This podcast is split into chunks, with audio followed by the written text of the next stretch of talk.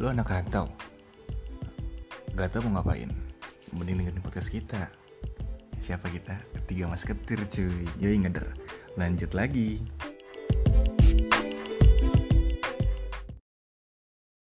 Ada siapa ya nih? Kiri kanan?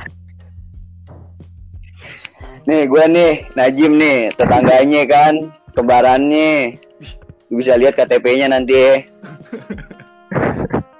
Ada apa lagi nih? Ada siapa lagi? Eh, ya kalau gua di sini Arik nih sebagai kakak-kakak daripada dua- dia berdua nih. orang tua lah bisa disebut gitu Ya emang sepuh lah dia Lu ngamuk-ngamuk nanti Gue Lu kagak bangun sahur aja Gue mampus lu Gua kunci makanya ini Tadi kita Nah harusnya ini ya gue kita Ram- Ramadan tuh di Surabaya nge sumpah dah ngabuburit ya kan Di perasaan Surabaya mau ngerasain parah sih. gua udah ngebayangin ya kan. Iya first time kan? Ya kan. Ih, parah emang. Ngabuburit ya kan? SOTR Gue sih berharap kayak Gue berharap kayak gitu noh Buh ngopi Nyemen di kos. Di gua mah kasihan sama ini loh. Kasihan begini sama Bu Jahal Bu Jahal kasihan sama mas-mas bambu anjing nggak ada pemasukan. Iya kalau bukan kita yang ngopi Siapa coba yang ngeramein situ? Ini paling rusuh kan ya. Gue jadi gimana ya? Kangen-kangen Tapi gue gimana ya? Gak kangen juga sih Soalnya gue gak kangennya. Apa sih yang kebanyakan pendirian banget sih? Kangen nggak kangen apa? Enggak gue gue kangen sama ngopi-ngopinya tapi gue ada rasa seneng juga karena libur kayak gitu kan. Kuliah daring sebenarnya ada enaknya sih tapi banyak gaya enaknya menurut gue kayak gitu. Jadi nggak bisa nggak bisa bebas kita ke mana-mana. Nah gitu doang sih. Kalau misalkan mikirin yang lain sih gue merasa, merasa dirugikan karena pandemi ini. Terutama UKT juga kan ngopi nggak bisa ke kampus nggak bisa UKT jalan bayar kos jalan coba lu bayangin. Coba Ramadannya di kampus. Ramadan di Surabaya. Ih asik banget kali ya.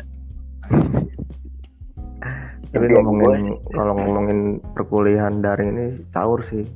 Gua aja yang beratnya kalau kelas biasa reguler biasa gitu aja apa nggak terlalu bisa mungkin bisa masuk. Kayak gini nggak didapet anjing cuy caur seru seru ngeresum seru dan iya dosennya juga kayak nggak kayak nggak punya ini loh. Apa rasa kasihan anjing kayak kayak nggak punya hati anjing. gua aja itu dosen hukum perdata ini nggak pernah belajar daring ini dari, dari pertama libur sumpah.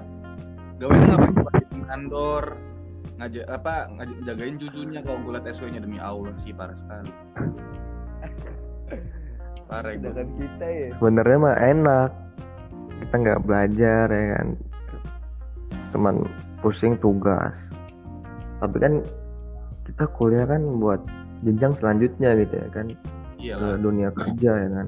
Kalau kita nggak ada iya kita nggak punya apa? Kayak gitu di dunia pekerja gimana nih nggak ada yang kita dapat. Ya sih pasti banyak keluhan dari semuanya juga pasti.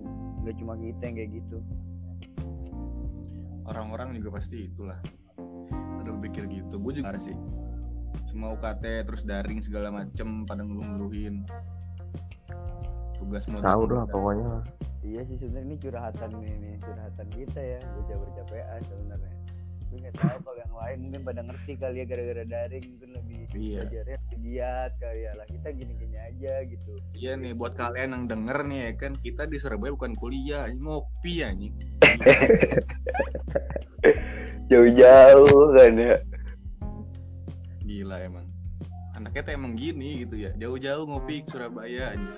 ya gitulah ibaratnya lah jauh-jauh ngopi ke Surabaya ya bagi bagi pendengar yang belum tahu nih ya kita bertiga tuh kuliah di Surabaya Yoi. nah, ya terus ceritanya bisa sampai kenal tuh gara-gara kita satu daerah daerah asal Iyalah.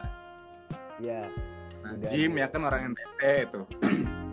udah dari asalnya bejat kan ya bisa Itu mah lu Jim yang bejat. ya.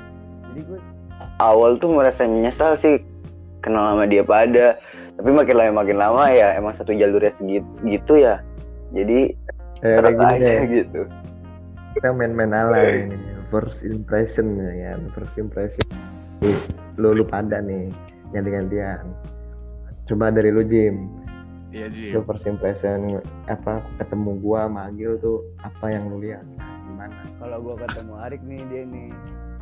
Gua awal sih dia dikira gua anak gue ya dia.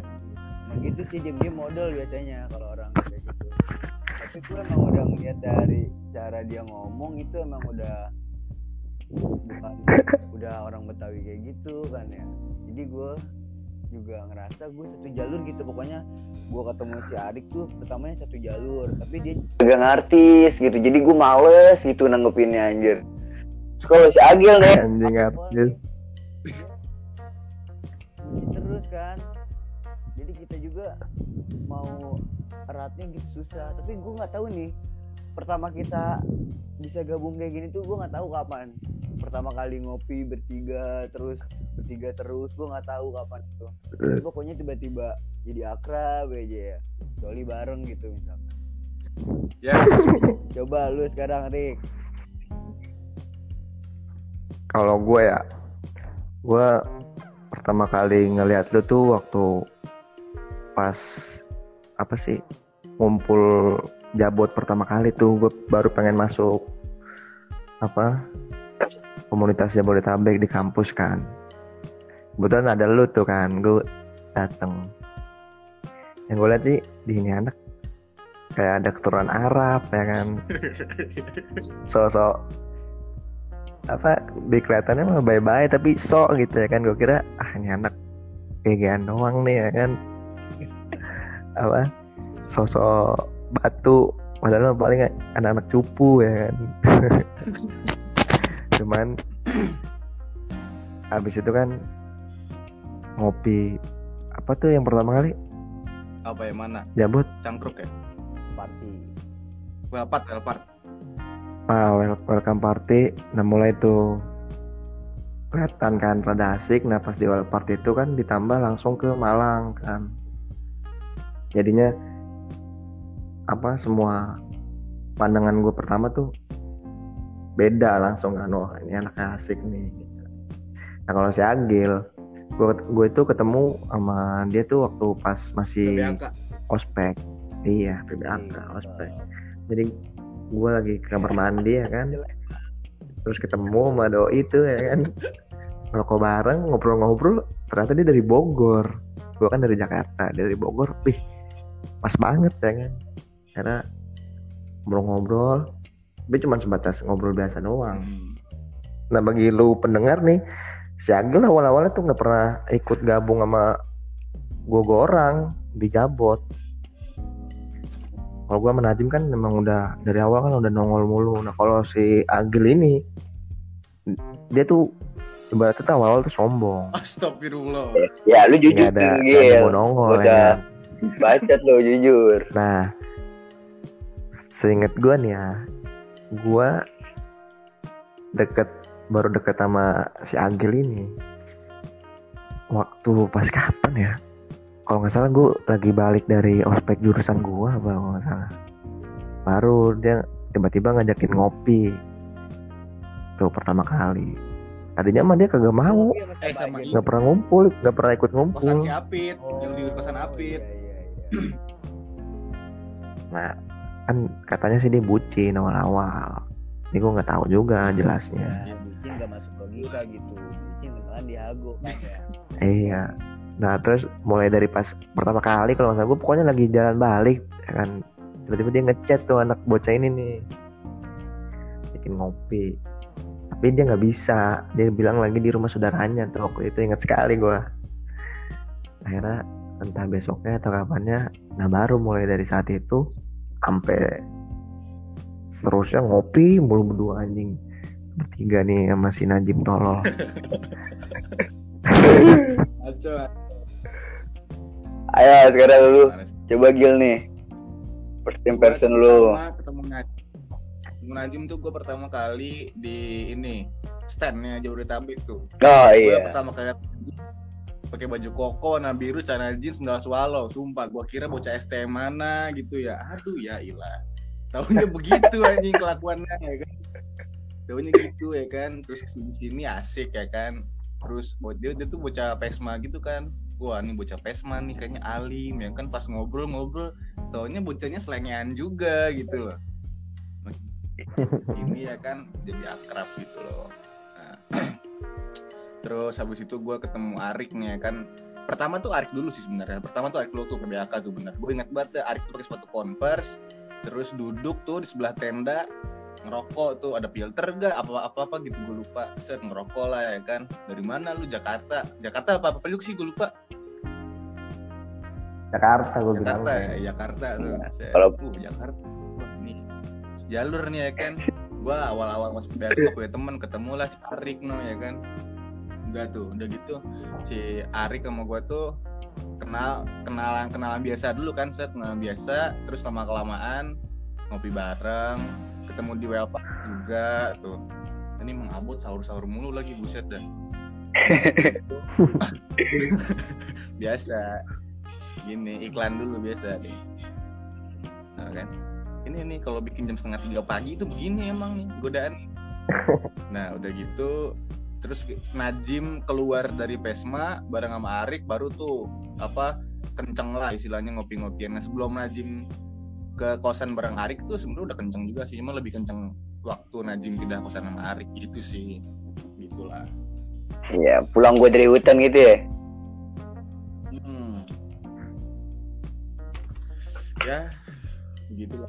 Iya sih, ya, tapi yang paling kenceng solidasi emang di keluarga keluarga kayak organisasi mahasiswa daerah gitu Suara lu kecil Jim, Kecil, Jim. Jim.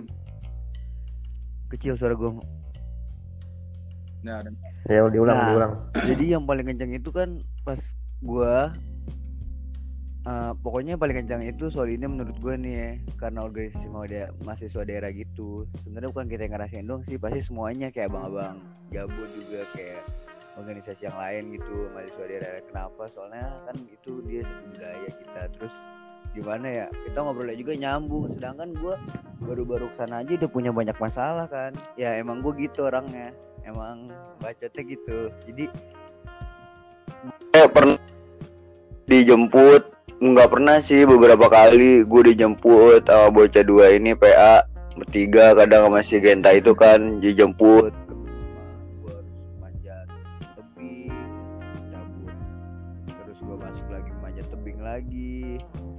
tapi itu sih menurut gue bentuk solid yang tinggi gitu yang pernah gue alamin soalnya gimana ya sampai maksa-maksa gitu narik-narik gue sampai sakit dibeliin obat kan ya gimana gak cintanya gitu sama gue nah itu sih yang gue salutin sama bocah ini Bukan masalah solid sih. Nggak ada bancengan kalau di warkop, nggak ada lu mah Jim. iya sih. eh tapi buat semua nih yang denger nih Najim tuh orangnya sebetulnya tuh humble gitu. Orangnya tuh baik gitu loh, tapi dia tuh orangnya welcome gitu loh. Welcome buat dihujat nggak apa-apa. Buat dicengin nggak apa-apa. Iya. Tapi semua anak-anak gitu sih Najim doang. ada sih beberapa yang suka bundungan Terus nih ya ada lah. Cuma nih cuy gini cuy, ini buat anak-anak yang baru istilahnya maba-maba lah ya kan yang mau ngerantau nih tips-tipsnya dari lu pada apa nih? Buat didengar-dengar juga nih ya kan. Ayo Rik, apa Rik? Gimana, Gimana, gimana? menurut lu Rik? Apaan? Tips Iya. buat maba. Kalau Maba yang tahu nih ya. Kita kan anak rantau nih. Tips-tipsnya tuh apa? Oh, buat maba yang rantau. khususnya kalau dari gue ya, khususnya kalau anak-anak yang rantau dari Jabot ya kan, Jabodetabek kan jauh tuh Surabaya. Ya lo harus kenal gue sih, Aduh. biar hari-hari lu tuh asik, Aduh. men. Terus terus. Kayak lu tuh kudu langsung wajib tuh. Khususnya yang di kampus gue ya kan, langsung masuk ke organisasi Jabodetabek. Terus terus. Biar lu kenal-kenal gue orang ya kan. Nah hari-hari lu asik jadinya cuy. Warna. ya. dijamin itu dijamin. berwarna ya enggak sih kalau seriusnya mah ya lu harus bisa apa ya bisa terbiasa lah sama budaya-budaya baru ya kan. Kayak contoh dari bahasa dari cara bergaul temen-temennya kan. Beda sama yang kita di daerah masing-masing. Kalau yang gua rasain sih beda banget ya. Cara kita bergaul cara mereka bergaul ya kan. Cara mereka bicara gitu kan ngomongnya kan beda logat-logatnya. Iya. Nah itu tuh penting banget tuh bagi gue ya, bagi diri gue sendiri tuh.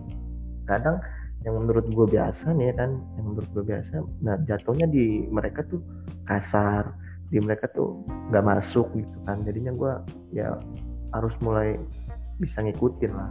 Kalau dari gue sih itu sih yang paling penting sih masalah kultur.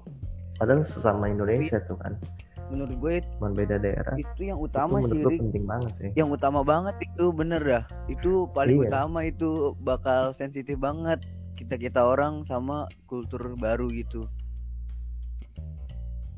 Hmm, terus terus ya iya gimana gimana Jim? contoh aja dari pengalaman pengalaman kita ya kayak gua pakai atribut yang gua pakai di daerah gua gitu misalkan waktu itu gua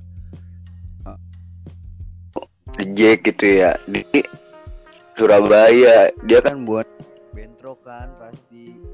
Nah, itu gue punya masalah di situ. Terus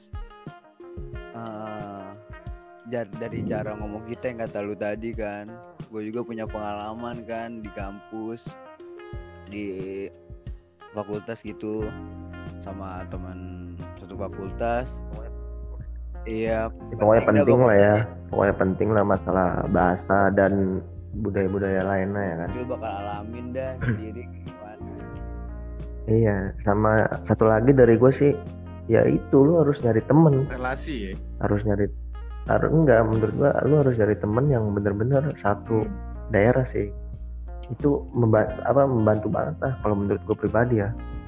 Soalnya kan segimanapun kita bisa bertahan dengan budaya baru makin lebih nyaman gitu hari-harinya kalau kita bisa apa selingkup selingkungan sama yang sama-sama dari daerah kita juga Hmm. itu sih menurut gua ngebantu mood gua ngebantu banyak lah enak gitu jadi lebih hari-harinya tuh gitu ya. ngejalaninnya tuh lebih enak Iya. iya apalagi kan nemuin yang satu daerah terus klop ya kan itu menurut gua sih kunci juga sih harus nyari temen juga. Benar-benar teman tuh emang penting ya. Parah sih. Temen ya kan. Terus budaya-budaya juga harus kita bisa inilah ya apa? Iya namanya juga kita jauh ya kan cuy? Nyesuain ya. Biasa di rumah iya kan bisa di rumah bareng keluarga ya kan bareng teman-teman yang udah emang sejenis ya kan emang satu bahasa ya kan. Ini kita tiba-tiba apa di dalam suatu kondisi yang jauh dari keluarga ya kan temen nggak ada yang se apa satu frekuensi bahasa hmm, benar. gitu sih pasti awal-awal ya walaupun kita cowok nih laki ya yang harusnya itu ya tetap pasti ngerasa ada beda lah pasti ngerasa ada inilah awal-awal gitu sih Ah, Oke, terus nih itu tips-tipsnya udah ya kan. Terus sekarang tuh kesan pertamanya ah, apa ya? Jauh dari rumah gitu. Kangennya tuh pas kapan homesicknya tuh pas kapan? Apa bulan pertama kah atau semester pertama kah atau gimana kah rasanya coba kita ngobrol aja gitu buat anak-anak nih ya kan yang denger.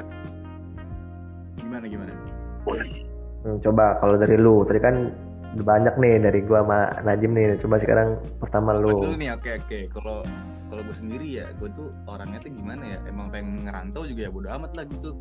Orangnya tuh emang selalu aja gitu loh. Cuman waktu di bulan-bulan ke dua itu semester awal-awal itu gue udah mulai ngerasain sih wah kayaknya di Bogor enak gitu.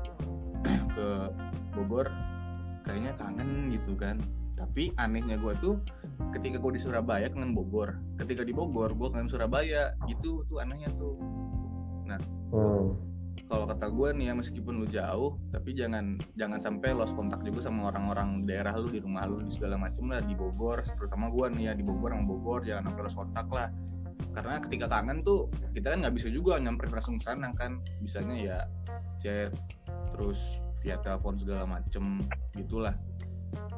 Ya homesick pasti ada sih. Cuman ya namanya anak rantau harus jajar terus aja jajar iya harus kuat lah intinya. Gitu sih kalau kata gue iya Kalau sendiri Tapi dari lu sendiri ada kan saudara apa? di Surabaya kan ada kan? Tapi ya nggak tahu deket sih.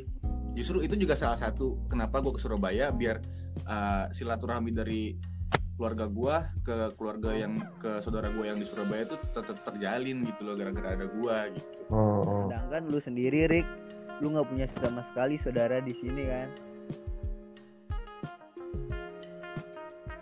Ya kalau gue ya itu sih yang tadi gue bilang sih. Gue sih orangnya tuh nggak bakal merasa kayak homesick gitu, kangen yang sampai berlebihan. Nah itu kuncinya tuh kalau gue udah nemuin satu kenyamanan kayak gue nemuin temen yang asik yang enak ya udah tuh kunci gue tuh buat ngejalanin hari-hari gue. Hmm. Jadi gue selama udah nemuin itu nemuin apa sih ibaratnya entah temen entah apa pasangan mungkin kan entah apa pun itu hobi atau apa apa pun itulah pokoknya. Kalau gua udah nemuin itu satu terus udah klop ya gua pasti Jalaninnya gitu ya. lebih inilah cakap iya nggak terlalu yang aduh gua kangen rumah nih gue pengen balik nih. Nggak kayak gitu sih Hmm. kalau gue pribadi. Iya karena ada beberapa orang. Ditambah tuh gue orangnya tuh kalau nggak tahu ya menurut orang lain ya. Kalau menurut gue pribadi tuh gue sama orang awal tuh kalau yang gue klop gue nggak nggak nggak terlalu ini masuk gue nggak gampang masuk orangnya eh, sama orang baru. Kecuali orang itu emang pas pertama kali welcome. interaksi sama gue gue udah ngerasa ngecun gitu ya kan. Ya udah ngerasa klop nah baru gue tuh orang susah susah klop gitu sama orang. Hmm, kayak waktu gue bilang yang ngobrol sama temen lo itu Gil hmm? temennya si Apit Oh iya iya tahu tahu tahu tahu. nah iya gue gue tuh orangnya susah susah banget ngecun gitu nah, itu sih yang yang ibaratnya jadi jadi bikin gue homesick kalau gue belum nemuin temen yang enak atau apa pun Hmm, berarti itu sih berarti lu harus nilai orang dulu ya gitu ya.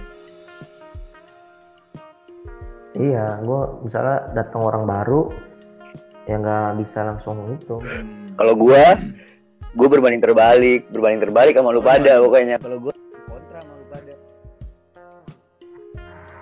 Terima apa yang lu pada apa terima gitu. Di nih. Suara lu kecil dong oh udah gede belum nih? Jadi gue udah udah udah. nggak apa ya kalau gue disebut anak buangan iya tapi gue termasuk orang yang lebih iya soalnya gue kebayang gue mesantren kan terus sekarang gue kuliah jauh. Habis mondok gue cuma seminggu di rumah langsung cabut lagi ke Pare kayak gitu kan. Gue Salah jadi jiwa perantau tapi nah gua termasuk orang yang lebay kangennya sama orang gitu sama orang rumah terus sama biasa lah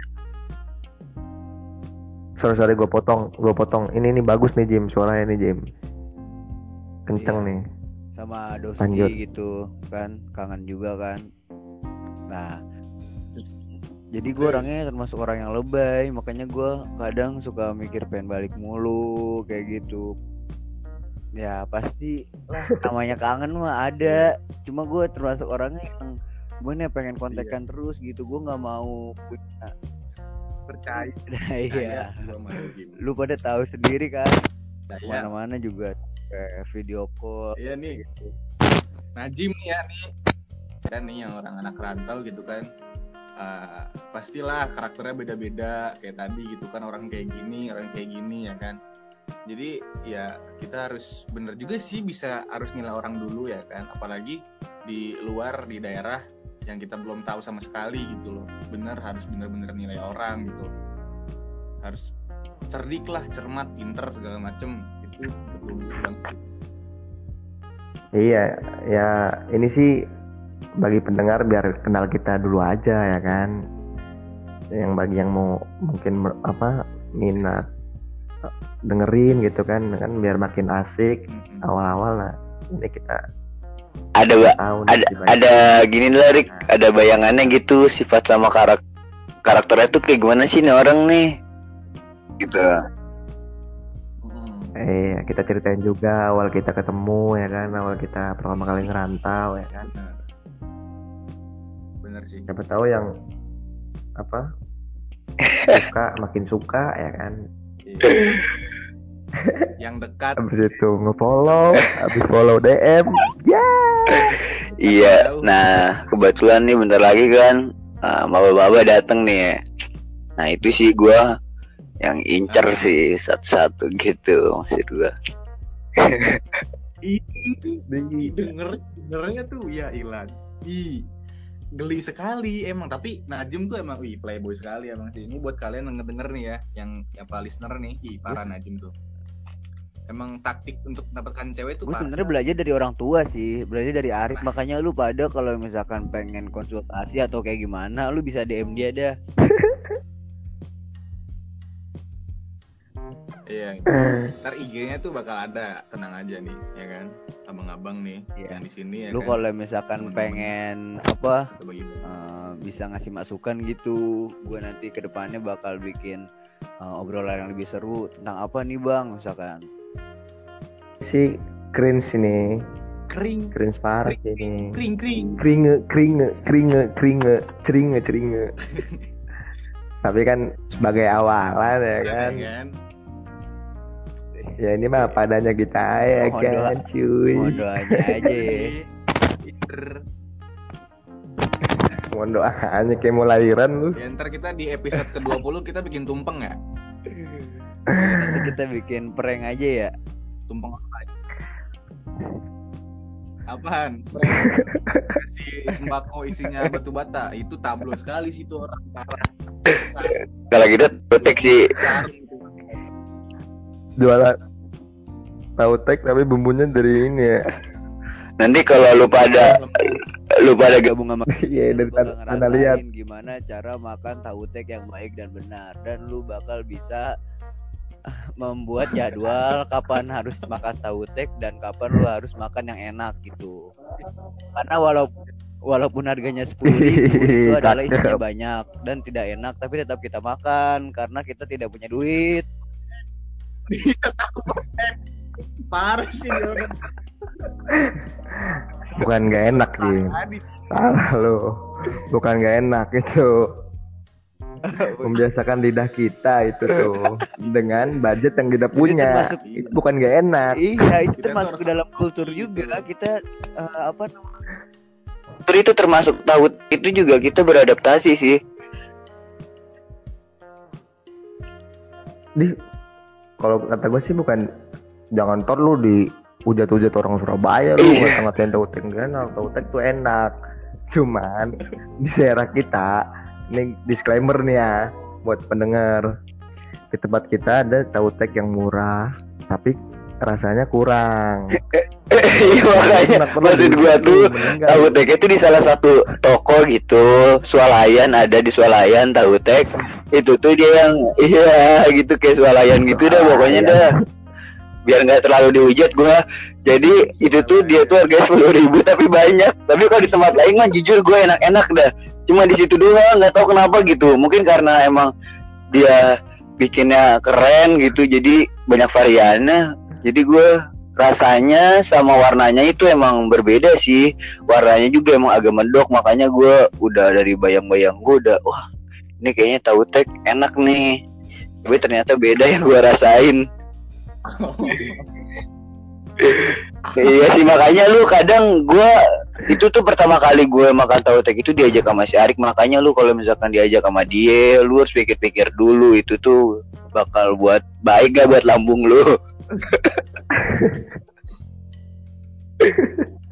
Iya tapi jujur nih, Arik tuh salah satu orang yang paling kuat apa es teh manis anjir sumpah. Setiap kuat kopi pasti the best itu es teh Iya. manis jumbo. ini ini ini nih selain tahu tek Hmm. nah di warkop pesan es teh jumbo itu bukan masalah gue seneng atau doyannya. Itu Tapi yang mencukupi kantong gue tuh gimana caranya? lima ribu ya kan? Bisa nongkrong sampai malam. Diuyupnya dikit-dikit ya iya paling enak kalau teh jumbo yang refill gratis anjing. Arik 24 jam ready di situ anjing sumpah. gimana ya kan nongkrong mulu nggak bisa bayar kos lu dengan gue beli teh punya jumbo, gas cooker ya kan? wacana mulu kucing berdarah.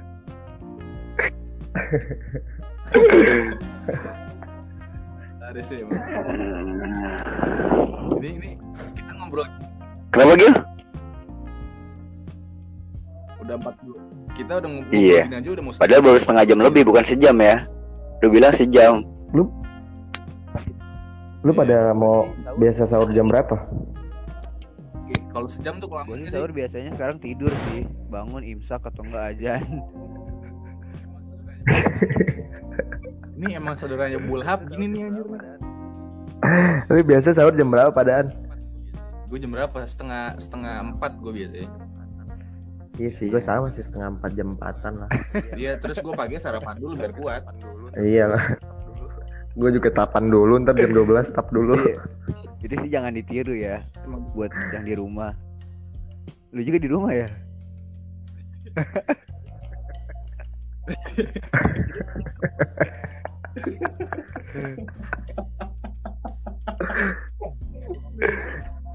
Eh keluar PSBB ini, lu mau ngelakuin apa langsung?